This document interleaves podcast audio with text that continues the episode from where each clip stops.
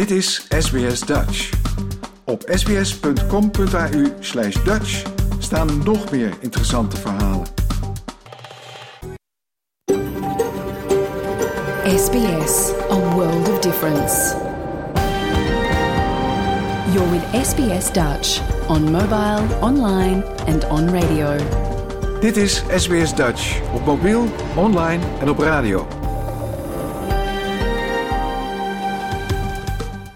Graag erkennen wij de traditionele eigenaren van het land van waar we vandaag uitzenden. SBS Dutch betuigt daar respect aan de Camaragal mensen en hun ouderlingen uit het heden en het verleden. Ook erkennen we de traditionele eigenaren van alle Aboriginal en Torres Strait Islander landen van waar u vandaag naar ons programma luistert. Een hele goede morgen. Mijn naam is Paulien Roesink. Het is zaterdag 4 maart 2023 en u luistert naar SBS Dutch, het Nederlandstalige radioprogramma van SBS.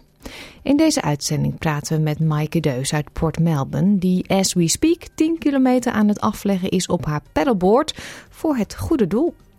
Renske Jonge vertelt vandaag over haar onderzoek naar zeegras. Een plantje dat erg ondergewaardeerd wordt, maar heel belangrijk is en waar het niet goed mee gaat. En ook een gesprek met de Nederlandse traveling comedian Fedor Ikelaar over zijn eerste tour door Australië en het Australische publiek. Dat, het willekeurige weekoverzicht en muziek allemaal straks, maar we beginnen zoals altijd met het nieuws.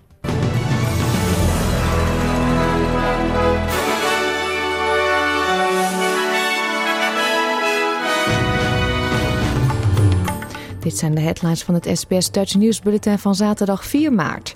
Meer regen op komst voor Northern Territory. Vreedzaam protest in Griekenland loopt uit de hand.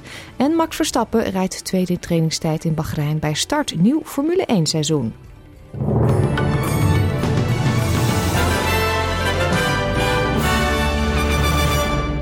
Autoriteiten zijn begonnen met het opnemen van de schade in afgelegen gemeenschappen in de Northern Territory, waar sinds januari grote overstromingen plaatsvonden, waardoor bewoners moesten worden geëvacueerd. Speciale teams zijn begonnen met het controleren van de omvang van de schade en plannen nu hoe overheidsinstanties mensen kunnen helpen om zo snel mogelijk naar huis terug te keren. Anti-Emergency Services commandant Danny Bacon zegt dat de noodverklaring van kracht blijft terwijl het natte weer aanhoudt. Flooding is no longer occurring in Kalkaringi and the peak has reached. There's still some significant water flow downriver though from Kalkaringi. This is still a response phase for, um, and so um, we are still looking at all emergency measures. De Groenen willen het belastingtarief op veel verdienende superannuation accounts verhogen om zo steun te verwerven voor de aangekondigde plannen van de regering. De regering gaat het belastingtarief op rendementen van pensioenrekeningen met meer dan 3 miljoen dollar verdubbelen tot 30% vanaf medio 2025. De partij wil niet alleen dat het bedrag verlaagd wordt van 3 miljoen dollar naar 1,9 miljoen dollar, maar ook dat voor iedere dollar boven de drempel het inkomstenbelastingtarief gaat gelden in plaats van het gunstige tarief. Uit berekeningen van het Parliamentary Budget Office blijkt dat het plan van de Groenen in totaal 210.000 mensen zou treffen en 54,6 miljard dollar zou opbrengen in het komende decennium. De Groenen hebben een machtspositie in de Senaat. De regering heeft namelijk de steun van de kleine partij nodig en van tenminste twee onafhankelijke om wetgeving goed te keuren. De G20-bijeenkomst van ministers van Buitenlandse Zaken is in India afgesloten zonder officieel communiqué. Maar een meerderheid vindt nog steeds dat Rusland de oorlog in Oekraïne moet beëindigen. De Indiase minister van Buitenlandse Zaken zegt dat tijdens de vergadering men het niet eens kon worden over wat er in de officiële verklaring zou moeten staan. There was a chair summary because there were differences uh, on the Ukraine issue which uh, we could not uh, reconcile between uh, various parties who held differing positions. De Australische minister van Buitenlandse Zaken, Penny Wong, zegt dat ondanks het ontbreken van een officieel communiqué er nog steeds brede steun was voor het idee dat Rusland zijn troepen terugtrekt uit Oekraïne. We would want to see uh, Kim, you know, Russia uh, being pressured, encouraged, urged to do the right thing. Honderden mensen zijn samengekomen op het Syntagmaplein in Athene voor een stil protest na het dodelijke treinongeluk in Noord-Griekenland waarbij 57 doden vielen. Het protest werd grimmig toen een aantal demonstranten richting het parlementsgebouw trokken en daar in botsing kwam met de politie.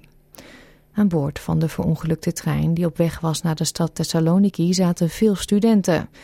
Overheidsfunctionarissen legden de verantwoordelijkheid voor het incident neer bij de stationsmanager. Deze student was bij de demonstratie aanwezig. I knew many fellow students from Thessaloniki who had taken other train routes previously, which is why I was frightened. I didn't know what was going on. I didn't know if I had any of my friends or fellow students at the place of the incident. Of course, it's very sad, regardless of who was there, to have so many young people unable to live out the rest of their lives. Their lives ended so tragically. Een Aboriginal-leider dringt aan op een Royal Commission die onderzoek moet doen naar First Nations kinderen die in hechtenis sterven. Hij zegt dat de situatie zou kunnen uitdraaien op een volgende Stolen Generation. Chris Harrison, medevoorzitter van Aboriginal Justice, zegt dat het aantal kinderen dat bekend is bij de kinderbescherming en komt te overlijden de afgelopen jaren is toegenomen. Uit het jaarverslag 2021-22 van de Commission of Children and Young Peoples blijkt dat jongeren oververtegenwoordigd zijn in onderzoeken naar kinderen die binnen 12 maanden na hun laatste contact met de diensten zijn overleden. De perssecretaris van het Witte Huis, Karine Jean-Pierre, heeft gezegd dat de relatie van China met Rusland hun betrekkingen met Europa zou kunnen bemoeilijken. De opmerkingen van Jean-Pierre komen op het moment dat de Verenigde Staten besprekingen aangaan met hun bondgenoten over de mogelijkheid om sancties op te leggen aan China, mocht het blijken dat zij Rusland militair of andere steun verlenen.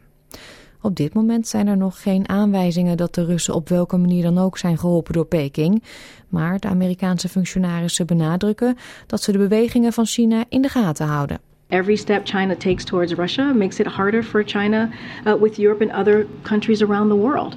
But uh, you know, uh, want to be really clear on that piece. But you, as I as I've mentioned before, Secretary Blinken met with Wang Yi just recently in Munich and made himself really clear. They had a very uh, clear conversation, and keeping that communication, uh, that line of communication open, is very important to us as well. But again, we haven't seen China take that action yet. Australië heeft verhinderd dat het Chinese bedrijf Yu Xiao Fundin zijn belang in Northern Minerals, een mijnbouwbedrijf voor zeldzame aardmetalen, zou vergroten. De actie leidde tot een waarschuwing van Peking en gevreesd wordt dat dit de lopende handelsbesprekingen over export in gevaar zou kunnen brengen. Australië zegt selectiever te willen zijn over investeerders in mineralen vanwege zorgen over monopolies en verwacht dat de handelsgesprekken met China gewoon zullen worden voortgezet. Maar Mao Ning van het Chinese ministerie van Buitenlandse Zaken heeft gezegd dat Peking niet blij is The Chinese government has always encouraged Chinese enterprises to carry out normal foreign investment and cooperation in accordance with market principles and international trade rules and on the basis of compliance with local laws. We hope that Australia can provide a fair and non-discriminatory environment for Chinese enterprises to operate in Australia. Sportnieuws dan. Fernando Alonso van Aston Martin reed gisteravond de snelste ronde tijdens de training voor de eerste Formule 1 Grand Prix van het seizoen in Bahrein. De 41-jarige Spanjaard was een fractie sneller, 0,169 seconden om precies te zijn, dan tweevoudig wereldkampioen Max Verstappen van Red Bull. De Australische debutant Oscar Piastri, die voor McLaren raced, had het moeilijk en klokte tijdens de training de 12e en 15e tijden van de dag. De 21-jarige sprak zijn enthousiasme uit over het komende seizoen. Yeah, definitely. It's been uh, about I think 12 years since I started racing, so everything up until that point has uh, led to now. Um, so yeah, to be calling myself a Formula One driver and preparing for my first race is a, a special feeling, definitely. De wisselkoers dan. Voor 1 Australische dollar krijgt u 64 eurocent en 1 euro is op dit moment 1,57 dollar waard.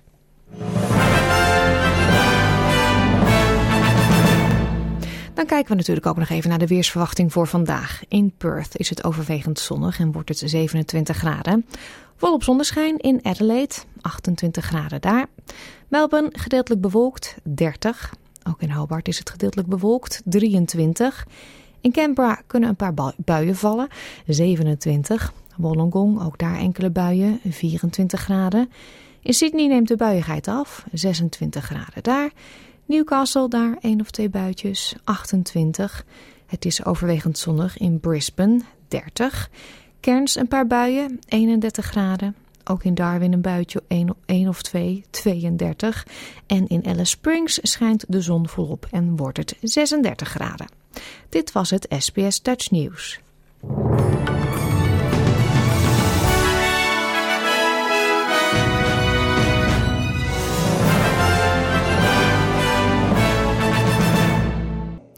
Nogmaals een hele goede morgen en welkom bij SBS Dutch.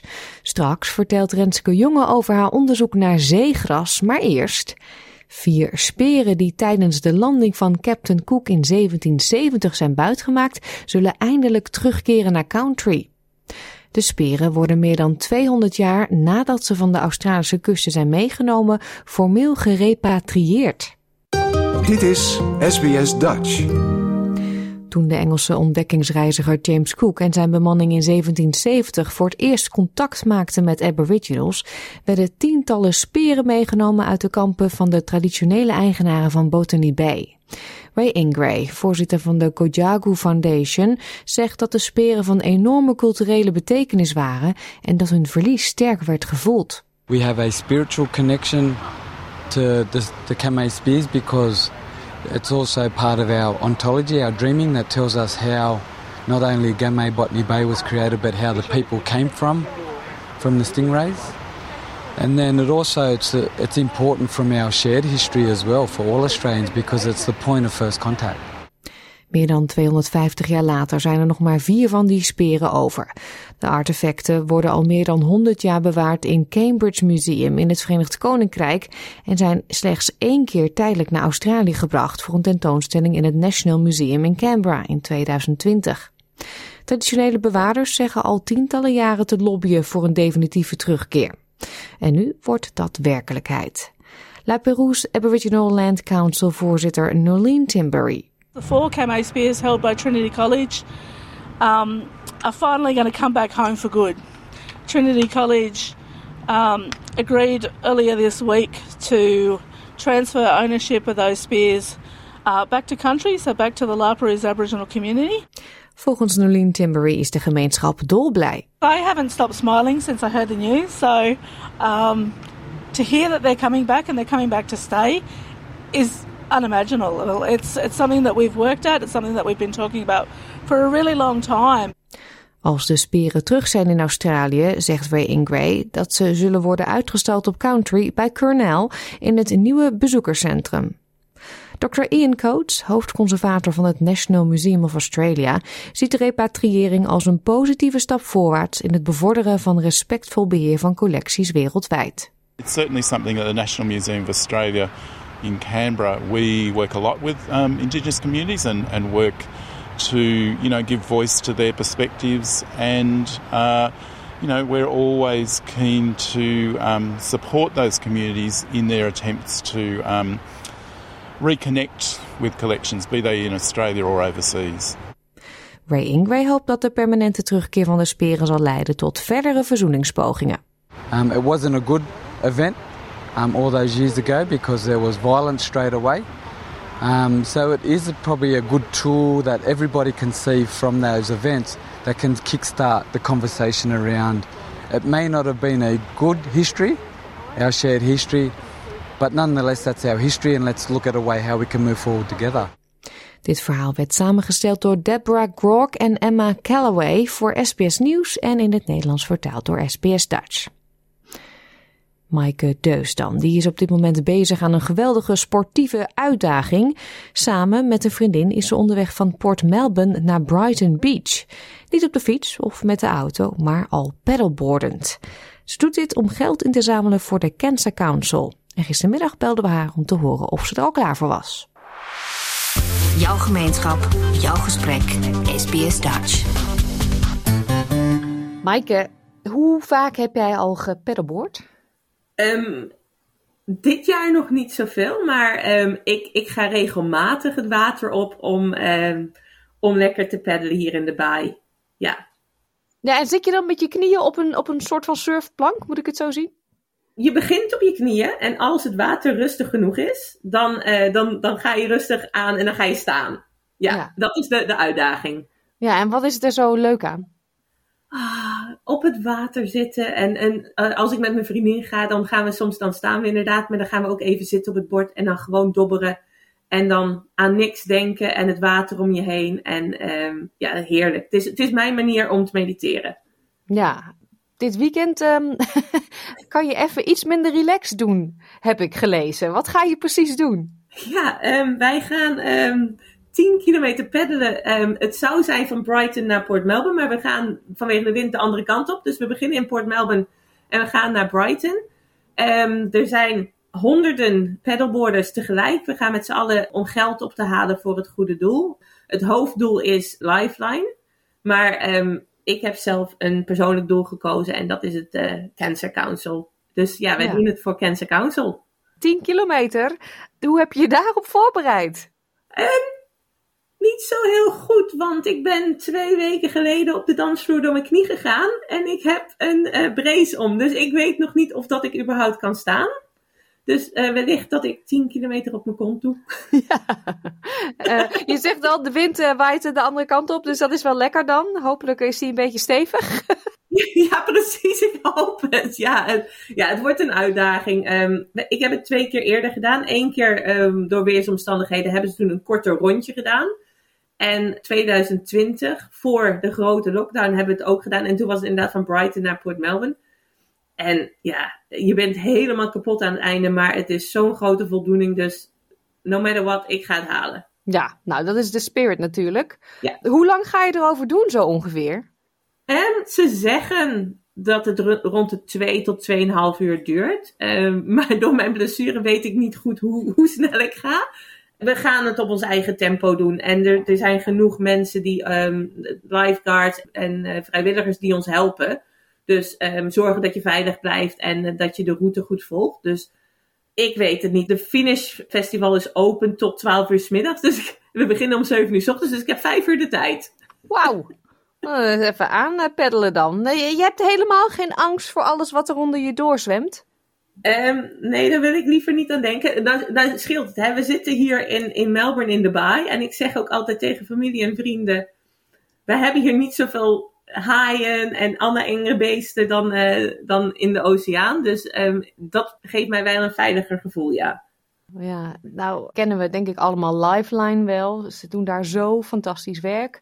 Ze zijn 24/7 bereikbaar voor mensen die behoefte hebben aan een gesprek, die het even allemaal niet zien zitten bijvoorbeeld. Um, jij zegt ik heb een ander doel gekozen. Daar heb je een reden voor, neem ik aan. Ja, in 2019 is mijn vader um, uh, is kanker ge geconstateerd. En dat is moeilijk als je aan de andere kant van de wereld bent. Dus ja, het kankerfonds is voor mij heel persoonlijk. En uh, papa en mama zijn in het land. Dus uh, het is even logistiek anders, omdat ik in Port Melbourne woon. Dus het was ideaal als de finish hier was. Maar papa en mama gaan bij de finishlijn staan. Dus ja. Dat is natuurlijk een extra mooi iets om heel hard je best te doen. Precies, daarom zeg ik ook, no matter what, ik ga de finish halen. Misschien dat papa en mama wat langer moeten wachten op me. Maar uh, ik hoop het binnen drie uur te halen. Ja, ik wens je heel veel succes. En eh, we zetten natuurlijk een linkje je doet het niet voor niks. We doen het voor het kankerfonds. Als mensen denken, hé, hey, ik wil meer weten, dat ze de informatie kunnen vinden om jou te kunnen supporten natuurlijk. Ah, dat zou ik heel fijn vinden. Want ja, iedereen is volgens mij uh, wel op een of andere manier geraakt door kanker. Dus ja, dankjewel. Zet hem op. Dankjewel. Stuur een foto als je er bent, hè? Dat doe ik. Doe ik zeker. Dankjewel. Ja, dat linkje vindt u op www.sbs.com.au Dutch. En goed nieuws, want we zien zojuist het mooie bericht dat Maaike het natuurlijk gered heeft. Ze maakte de oversteek in 2 uur en 22 minuten en de knie, ja, die heeft zich goed gehouden. Renske Jonge doet momenteel haar PhD aan de Universiteit van Sydney. Ze doet daar onderzoek naar zeegras. Het gaat wereldwijd namelijk niet goed met het zeegras. Gemiddeld verdwijnt er ieder half uur een oppervlakte van twee voetbalvelden. En dat is zorgelijk omdat zeegras een belangrijke leefomgeving en voedselbron is voor veel andere zeedieren. Door middel van tests bekijkt Renske of micro-organismen het zeegras kunnen helpen om stressvolle situaties te doorstaan. Gisteren sprak ik haar hierover. Dit is SBS Radio Dutch. Renske, jij doet onderzoek naar zeegras. Hè? Wat is zeegras precies? Nou, zeegras is een bloeiende plant die in de zee leeft. Um, veel mensen denken dat het hetzelfde is als zeewier. Dat is eigenlijk helemaal niet waar. Uh, want zeewier is een alg. En uh, zeegras is dus een, een, bloeiende plant die dus ook uh, bloemen maakt, zaden. ze hebben wortels, ehm, bladeren. Dus het is echt heel iets anders dan zeewier. Ja, en ook iets heel anders dan gras zoals wij het in de tuin kennen. Ja, klopt. Veel mensen denken ook dat zeegras het meest verwant is met gras zoals wij het in de tuin kennen. Zeg maar. Eigenlijk zijn ze het meest verwant met lelies. Ja, um, en waar vinden we zeegras dan? Want ik, niet als ik de zee inloop met mijn kinderen dat ik een mooie bloeiende bloem zie in het water. nee, de zeegrasbloemen zijn sowieso heel klein. Dus je ziet ze, ja, het ligt aan de soort een beetje, maar met name vrij klein. Um, maar ze komen voor aan de kust van eigenlijk alle continenten behalve Antarctica. Maar ze groeien voornamelijk in baaien waar het water niet zo snel stroomt. Um, dus eigenlijk een beetje, meestal in ondiepe wateren. En een beetje beschut dan? Een beetje beschut, ja, klopt. Ja. En dat is veel te vinden hier in Australië? Ja, zeker. Al gaat het niet overal even goed, maar over het algemeen, uh, ja. Maar is het iets wat ik wel zou kunnen zien als ik de zee inloop? Ja, zeker. Of moet je echt verder de zee in? Het ligt een beetje aan de soort. Er zijn verschillende soorten die wat dieper groeien en soorten die eigenlijk nou ja, praktisch op het strand uh, groeien, zeg maar. Maar als je een beetje een beschutte, beschutte plek gaat, dan is er grote kans dat je zeegras vindt, ja. Ja, en waarom doe je onderzoek naar zeegras in Australië? Want je zegt net, het groeit over de hele wereld. Dus dat zou ook in Nederland kunnen, denk ik dan. Ja, klopt. Er is inderdaad ook zeegras in Nederland. Um, al gaat het dan niet heel erg goed mee. Um, we hadden hele grote zeegrasvelden tot ongeveer de jaren 30. Um, en toen is dat vrij rap verdwenen, met name door de aanleg van de afsluitdijk. Wat er waarschijnlijk voor gezorgd heeft dat er een, een verandering is in de stroming, wat ervoor gezorgd heeft um, dat de zeegras het niet meer zo fijn vond om daar te groeien. Plus, daar is heel veel um, zand aangelegd, wat het water vertroebelde. En de is dus een plant en ze moeten dus fotosynthese doen om aan hun energie te komen. Als het water troebel is en het zonlicht het zeegras niet kan bereiken, ja, dan gaat dat dus niet zo goed. En dat is een ziekte die ook heel veel zeegras uh, aangetast heeft. Dus het gaat in Nederland is dan weinig zeegras nog te vinden. Al wordt er wel ook onderzoek aan gedaan in de Universiteit in Groningen. Maar voor mij de reden waarom ik voornamelijk naar Australië ben gekomen is omdat nou ja, ik ben eerder in Australië geweest tijdens uh, mijn masteropleiding. En ik vond het zo'n fantastische plek. Dus ik dacht, nou ja, als ik dan onderzoek ga doen, dan het liefst in Australië. Nou ja, en via via kwam ik een plek tegen en hier ben ik dan. Ja, en hoe lang geleden ben je begonnen? Um, ongeveer anderhalf jaar geleden, in juli 2021. Ja. Hoe belangrijk is zeegras eigenlijk voor alles wat leeft in de oceaan? Ja, zeegras is hartstikke belangrijk. Het is een beetje de underdog van alle marine ecosystemen, denk ik. De meeste aandacht gaat voornamelijk naar koralen, uh, wat natuurlijk hartstikke belangrijk is. Maar zeegras speelt eigenlijk een cruciale schakel tussen koraalriffen en mangroves bijvoorbeeld. Um, want zeegas vertraagt het, het, water, dus er wordt heel veel uh, zand en sediment wordt dan als het ware gevangen door zeegras en het maakt het water helderder, wat heel belangrijk is voor koraal. Daarnaast is zeegras een hele mooie beschutte plek voor jonge vissen. Dus veel vissen die opgroeien, um, die groeien dus op in het zeegras um, en gaan later door naar het koraal. Uh, kan ik uh, Finding Nemo hier even bij aanhalen, of niet? Precies, ja. ja, inderdaad. De film van Disney, van het kleine visje, die groeit op tussen het, inderdaad, wat een beetje zeegrasachtig lijkt, volgens mij. Ja, klopt. Ja, en ze slaan ook heel veel koolstof op, dat is heel belangrijk voor het klimaat, dus het is echt wel heel erg belangrijk. Um, maar het krijgt toch iets, het staat niet zo vaak in de spotlight, helaas. En je zei ook, het heeft uh, wortels. Kan ik het dan een beetje vergelijken met het gras wat op duinen groeit? Wat natuurlijk ook een belangrijke functie heeft om het zand bij elkaar te houden en de wind een beetje te temperen.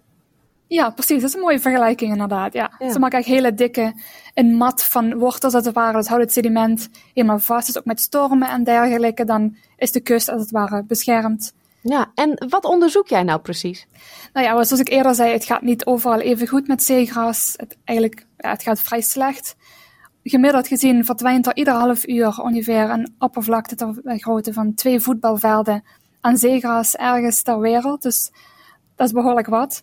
Um, ja, er zijn best wel wat pogingen gedaan om zeegras te herstellen of te behouden, maar het is niet altijd overal even succesvol. Ja, en voor terrestrische planten weten we, ik denk dat veel mensen wel weten dat de bodem heel erg belangrijk is uh, voor je planten. Dus als je in de tuin aan het werken bent, dan geef je de planten compost en je zorgt dat de structuur van de bodem goed is en dergelijke. Maar voor zeegras is er eigenlijk nooit aandacht aan de bodem besteed. Eigenlijk altijd gekeken naar wat gebeurt in het water, zoals de waterkwaliteit of uh, de hoeveelheid voedingsstoffen in het water en dat soort dingen. En ik heb voorheen gewerkt met, met terrestrische planten en vooral gewerkt aan de bodem. En toen viel mij dus op dat er inderdaad voor zeegaas, ook al is het een marine plant, dus met wortels en alles, dat er nooit naar gekeken is. Um, dus ik probeer eigenlijk te kijken hoe belangrijk is die bodem nou voor zeegras en zijn er bepaalde uh, bacteriën of schimmels in de bodem die de zeegras helpen groeien of juist uh, ziek maken en kunnen we die bacteriën of schimmels dan gebruiken als we zeegras willen herstellen. Ja, en uh, hoe onderzoek je dat? Ga jij uh, elke zoveel weken, maanden naar bepaalde plekken waar je het zeegras in de gaten houdt? Nee, ik doe dat met, met experimenten. Dus er zijn wel wat mensen geweest die dus um, monsters hebben genomen van de, van de bodem en gekeken hebben wat erin zit. Um, zo hoeveel nutriënten, welke bacteriën, welke beschimmels. En we zien inderdaad wel verschillen aan de hand van de leefomgeving. Bijvoorbeeld als het warmer is, dan verandert dat. Of als er uh, watervervuiling is, dan verandert dat. Maar we weten dus niet of het ook echt een effect heeft op de, gezondheid van het zeegras. Dus ik doe experimenten waarbij ik de bodem dus verander. Dus of ik haal de bacteriën en schimmels weg of niet. Of ik doe hetzelfde met de wortels. Dus ik, ja, heel simpel gezegd, eigenlijk ik dip de wortels in betadine. Dus eigenlijk gewoon, ik steriliseer de wortels. En dan doe ik dat onder verschillende uh, omstandigheden en dan kijk ik wat het effect is daarvan op het zeegras. Mm -hmm. En uh, je bent al anderhalf jaar onderweg ongeveer. Zo bijna op de helft kunnen we zeggen. Uh, heb je al wat uh, opmerkelijke resultaten gevonden? Ja, ja, dus ik heb um, vorig jaar een experiment gedaan. Waarbij ik dus precies dat gedaan heb wat ik zojuist uitlegde. En dan het zeegras groeide onder verschillende temperaturen. Dus temperaturen die we nu zien en toekomstige temperaturen was, ja, die we waarschijnlijk gaan zien met klimaatverandering. En wat ik uh, heb gezien, dus als je de wortels van het zeegras steriliseert, dus je haalt alle micro-organismen die dan op die wortels groeien weg, dan doet het zeegras het altijd veel slechter dan als je dat intact houdt. En ook onder um, de meest warme omstandigheden, dus ik had een, een, een behandeling waarbij ik dit zeegras groeide onder een temperatuur die 6 graden warmer is dan wat je nu ziet. Toen zag ik dat het zeegras het veel slechter deed. Maar interessant genoeg, alleen in die omstandigheden waarbij dus wel um, bacteriën en schimmels aanwezig waren. Dus waarschijnlijk dat er iets verandert, dat er misschien meer ziektemakers um, die dat fijn vinden dat het lekker warm is en die dan beter doen. En ik ben nu nog bezig om te kijken welke bacteriën en schimmels dat precies zijn. Dus misschien heeft de warmte dan niet zoveel effect op uh, het zeegras zelf, maar al die, die schimmels en, en bacteriën die in de bodem zitten. Ja, maar die hebben dus vervolgens weer een effect op het zeegras. Ja. ja. Wat zou een, een uitkomst kunnen zijn uh, op lange termijn? Dan moet ik denken aan dat we het zeegras moeten gaan bemesten of zo in de zee. Ja, ik noem iets heel geks misschien. Nou, dat is, niet, is geen gek idee. Dat inderdaad, dat zou, dat zou kunnen. Um, al zien we nu vaak dat, aangezien het zeegras vaak dicht bij de kust groeit, dat het water waarin het zeegras groeit toch al vaak heel veel voedingsstoffen heeft en dat mensen daar leven en er wordt vaak het riool wordt er uh, gedumpt als het ware. Dus het is denk ik meer een kwestie van het juist minder voedingsstoffen dan meer. Um, maar ja, dat zijn dat dus... lijkt me lastiger. Ja, dat is zeker lastig, ja. Klopt. Um, maar we zouden dus kunnen kijken of er bepaalde bacteriën zijn die heel goed zijn in het afbreken van die voedingsstoffen. En als we die vinden, kunnen we die bijvoorbeeld toevoegen aan de bodem voordat we zeegras uitplanten. Um, zoals we soms doen, nou ja, bij gewassen bijvoorbeeld, dan worden bepaalde schimmels toegevoegd die stikstof of uh, fosfaat voor de plant beschikbaar maken. Dus een beetje in die richting. Maar daar zijn we, moeten nog flink wat onderzoek doen voordat dat uh, wellicht gebruikt kan worden. Ja. Dankjewel voor deze duidelijke uitleg en heel veel succes met het onderzoek. Ja, hartstikke bedankt. Dankjewel. En dan is het nu tijd voor een overzicht van enkele belangrijke, bijzondere en spraakmakende nieuwsberichten uit Nederland van de afgelopen week met dank aan de NOS. Met dit keer onder andere het Noorderlicht, de Het Wiegepolder en Songfestival nieuws.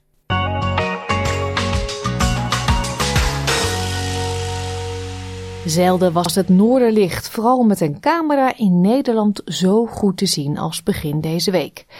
Towine Westen is natuurfotograaf en dol op het bijzondere natuurverschijnsel. Ze legt uit hoe het Noorderlicht ontstaat. Die geladen deeltjes die komen van de zon, dus stel dat hier de zon is, uh, dan gaan ze richting de aarde. En nou ja, die, de aarde is een beetje als een magneet en die zorgt ervoor dat die deeltjes om de aarde heen worden gebogen. En bij de polen van die magneet en in ons geval dus de Noordpool en de Zuidpool van de aarde, kunnen die deeltjes de dampkring in. En daar veroorzaken ze dan het noorderlicht. En als er dan heel veel deeltjes zijn, dan kan het ook lager zakken naar lagere gebieden in Europa, bijvoorbeeld Nederland of België.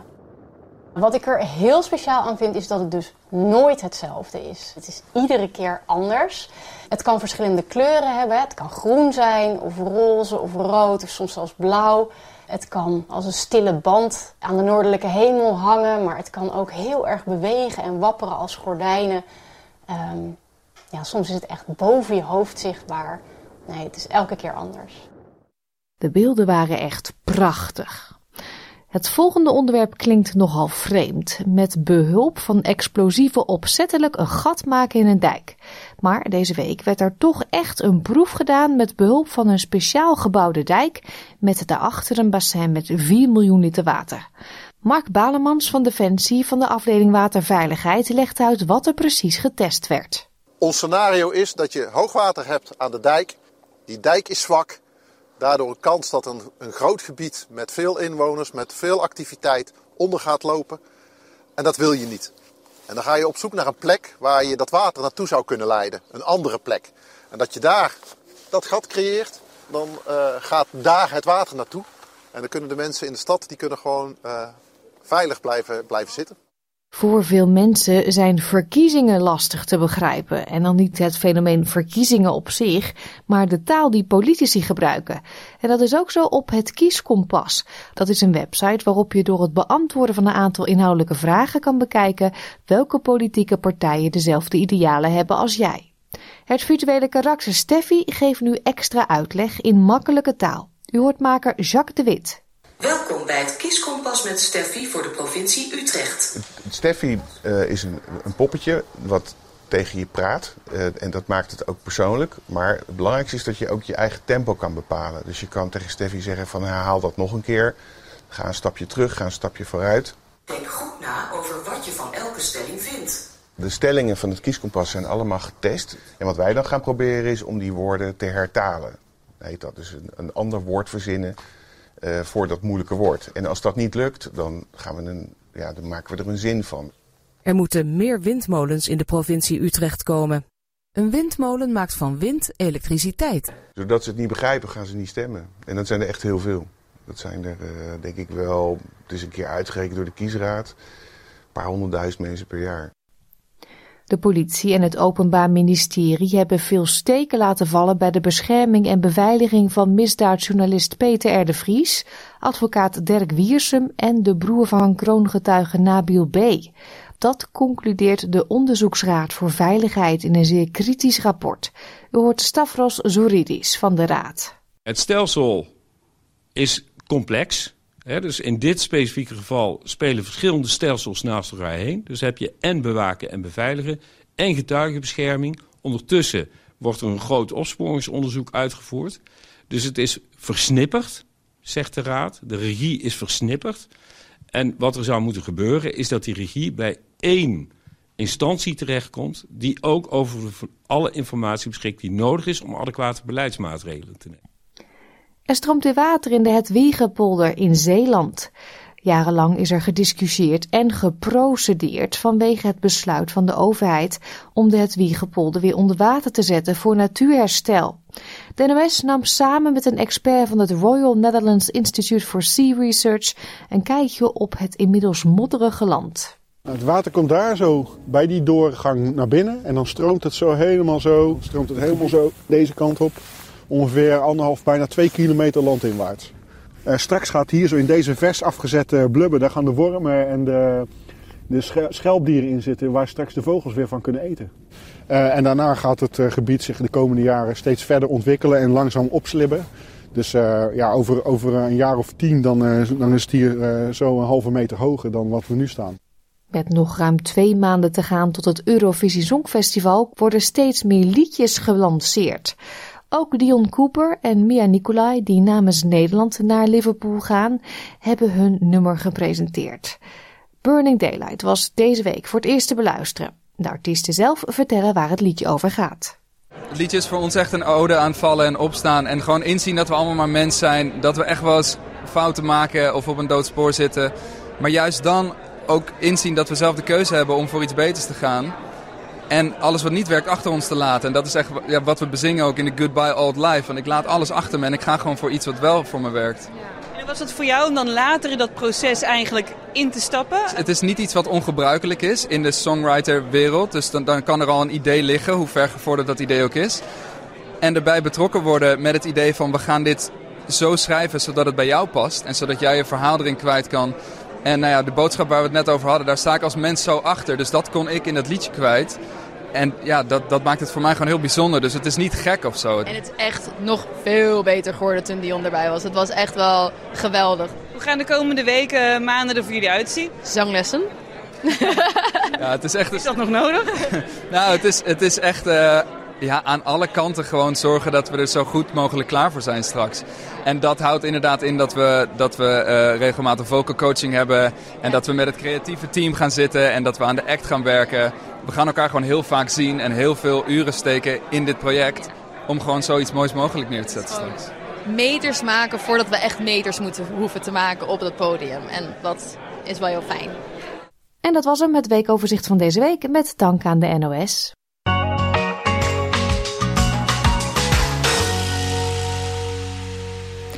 Ik zei het zo net al in het weekoverzicht. Het Nederlandse liedje voor het Eurovisie Songfestival is woensdag gelanceerd. Het nummer heet Burning Daylight en wordt gezongen door Mia Nicolai en Dion Cooper. Maar gaat Nederland hoge ogen gooien met deze ballad? Oordeel nu zelf. Fedor Ikelaar werd geboren en getogen in Nederland, maar reist inmiddels de hele wereld over als The Traveling Comedian. Zo trad hij op in onder meer Turkije, Mongolië en Oekraïne. Als onderdeel van het gezelschap Comedians of Europe toert hij momenteel door Australië. Door zijn eerdere ervaring met Australiërs op Bali, en dat legt hij zoveel uit, wist hij niet goed wat hij van deze trip moest verwachten, maar hij geniet volop van zijn publiek en het land. SBS Dutch. Deel onze verhalen op Facebook. Fedor, jij reist de wereld over als comedian. De traveling comedian noem je jezelf. Je hebt al heel wat eh, van de wereld gezien, al eh, grapjesmakend, hè? Um, ja, zeker, zeker. Ik heb nu qua optreden, heb ik denk ik in iets van 35 landen. Ik hou het niet heel erg bij. Um, en er komen het komende jaar nog, uh, nog een paar nieuwe bij. En uh, ja, nu voor het eerst ook Australië. Dus dat is, uh, dit is wel in ieder geval het verst wat ik gekomen ben. Ja, ik had ook weinig uh, veel verder natuurlijk. ik zag uh, op jouw YouTube-kanaal Bangkok, uh, Turkije, Mongolië, Armenië, maar ook Oekraïne.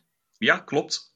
Niet de meest voor de hand liggende bestemming. En ik was daar ook niet puur alleen heen gegaan om comedy te doen. Maar, want het was wel tijdens de oorlog dat ik erheen ben gegaan. Ja, net voor de kerst, hè? Ja, dat was zelfs al de tweede keer. Ik was afgelopen zomer ook al een keer geweest. Uh, ja, er waren wat plannen uh, veranderd in mijn eigen tourschema. Want oorspronkelijk stond Rusland op mijn tourschema voor de oorlog.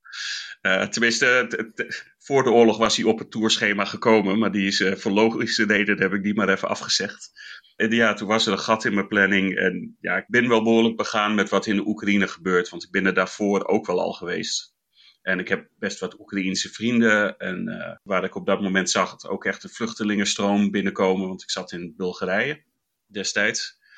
Um, dus ik was gewoon heel erg begaan met wat er gaande was. En ik werk ook met wat dierenorganisaties. Dus ik ben eigenlijk in eerste instantie heen gegaan om naar wat dierenopvangen in de Oekraïne, om daar wat medicijnen naartoe te brengen. Uh, maar ja, toen ik erheen ging, kwam ik er ook achter dat de comedyclubs gewoon alweer open waren.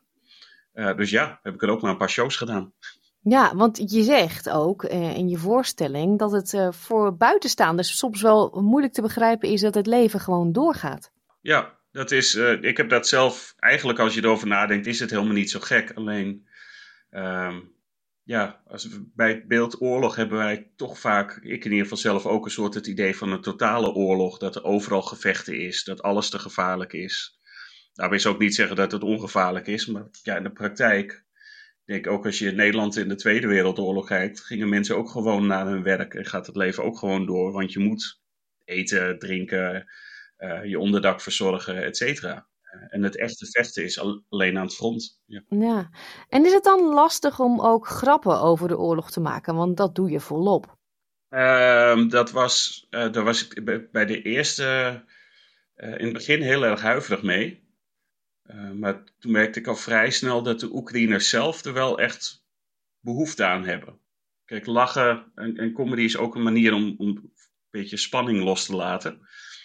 En ja, bij oorlog komt nogal wat spanning kijken. Mm. Dus ik zal niet zeggen dat ze het alleen maar over de oorlog willen hebben tijdens comedy shows. Ze vinden het ook wel fijn dat je juist over totaal andere dingen hebt om het ook even te vergeten. Maar ze waarderen het zeker als je er, uh, als je er wat grappen over maakt. Dus ik was daar in het begin huiveriger mee, maar toen hoorde ik wat Oekraïense comedians zelf allemaal zeiden erover. En toen dacht ik, oh ja, nee, dat, je kan er blijkbaar wel gewoon over praten en erger nog, ze waarderen het wel. Ja, het is natuurlijk ook raar als je het gewoon helemaal doodzwijgt. Ja, nee, het is, het is op zich in, in het algemeen is een regel met, met comedy. Zoals ze in het Engels zeggen, you always must address the, the elephant in the room. Dus als er wat geks gaande is, of dat nou iets geks in de, de ruimte zelf is, waar je een show hebt of, of daarbuiten, moet je dat altijd wel even adresseren. Anders dan blijft het toch ook in mensen hun achterhoofd zitten. Zo van, hé, hey, er is iets groots aan de hand en hij zegt er niks over. Dat is ook raar. Ja, ja, ja. Je bent, uh, zoals je zei, nu voor het eerst in Australië en je treedt op als onderdeel van de Best Comedians of Europe. Klopt. Uh, ja, er zijn een groep comedians. Uh, we zijn hier nu, nu ben ik in Adelaide, zijn we met z'n drieën. Melbourne komt er een vierde bij. We zijn eigenlijk in totaal met meer, want we toeren al een beetje door Europa. En in Edinburgh bij een groot Fringe Festival daar hebben we ook al opgetreden als gezelschap. En uh, nu zijn we met een wat kleinere delegatie naar Australië. Mede omdat een aantal niet konden komen, omdat uh, meerdere van ons uh, COVID-baby's hebben. dus er zijn er meer, meerdere ouders geworden de afgelopen paar maanden. Maar ja, nu zijn we met z'n ja, met drie hier. In dit, dit geval ik, dus uit Nederland, een Portugees en een Griek. Ja, uh, al in Perth geweest, nu op Adelaide Fringe Festival en straks Melbourne Comedy dan. Is het moeilijk om grapjes in het Engels te verzinnen? Wij Nederlanders zijn natuurlijk nogal recht voor zijn raap en uh, kunnen ja, grof zijn. Ja. Uh, dat lijkt me dat dat niet in elk land zo handig is om dat te doen. nee, nee. Wel wat ont-Nederlands om het, om het zo maar te zeggen. Um, nou ben ik eigenlijk zelf ook in het Engels destijds begonnen, omdat ik zelf niet in Nederland woonde op dat moment. Dus voor mij, ik ben heel erg gewend om het in het Engels te doen. Maar je moet altijd wel echt een beetje aanpassen aan de stijl van het land. En ook inderdaad een beetje rekening houden met de, de kennis van het land. Zo hebben we wel gemerkt hier dat we het materiaal iets minder Europa-specifiek moeten maken.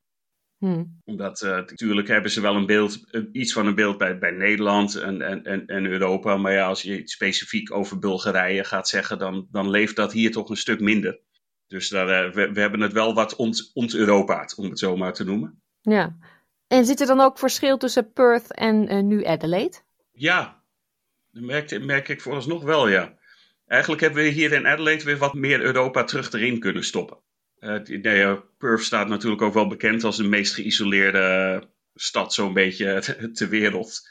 Maar het lijkt inderdaad dat ze ook echt meer geïsoleerd zijn van wat er, wat er in Europa en de rest van de wereld gebeurt. Dat klinkt een beetje over, dat is een beetje overdreven hoor. Natuurlijk weten ze wel wat er daarbuiten gebeurt. Maar we merkten wel dat er in Perth iets meer referenties, verwijzingen niet helemaal landen. En in hier in Adelaide weer wel.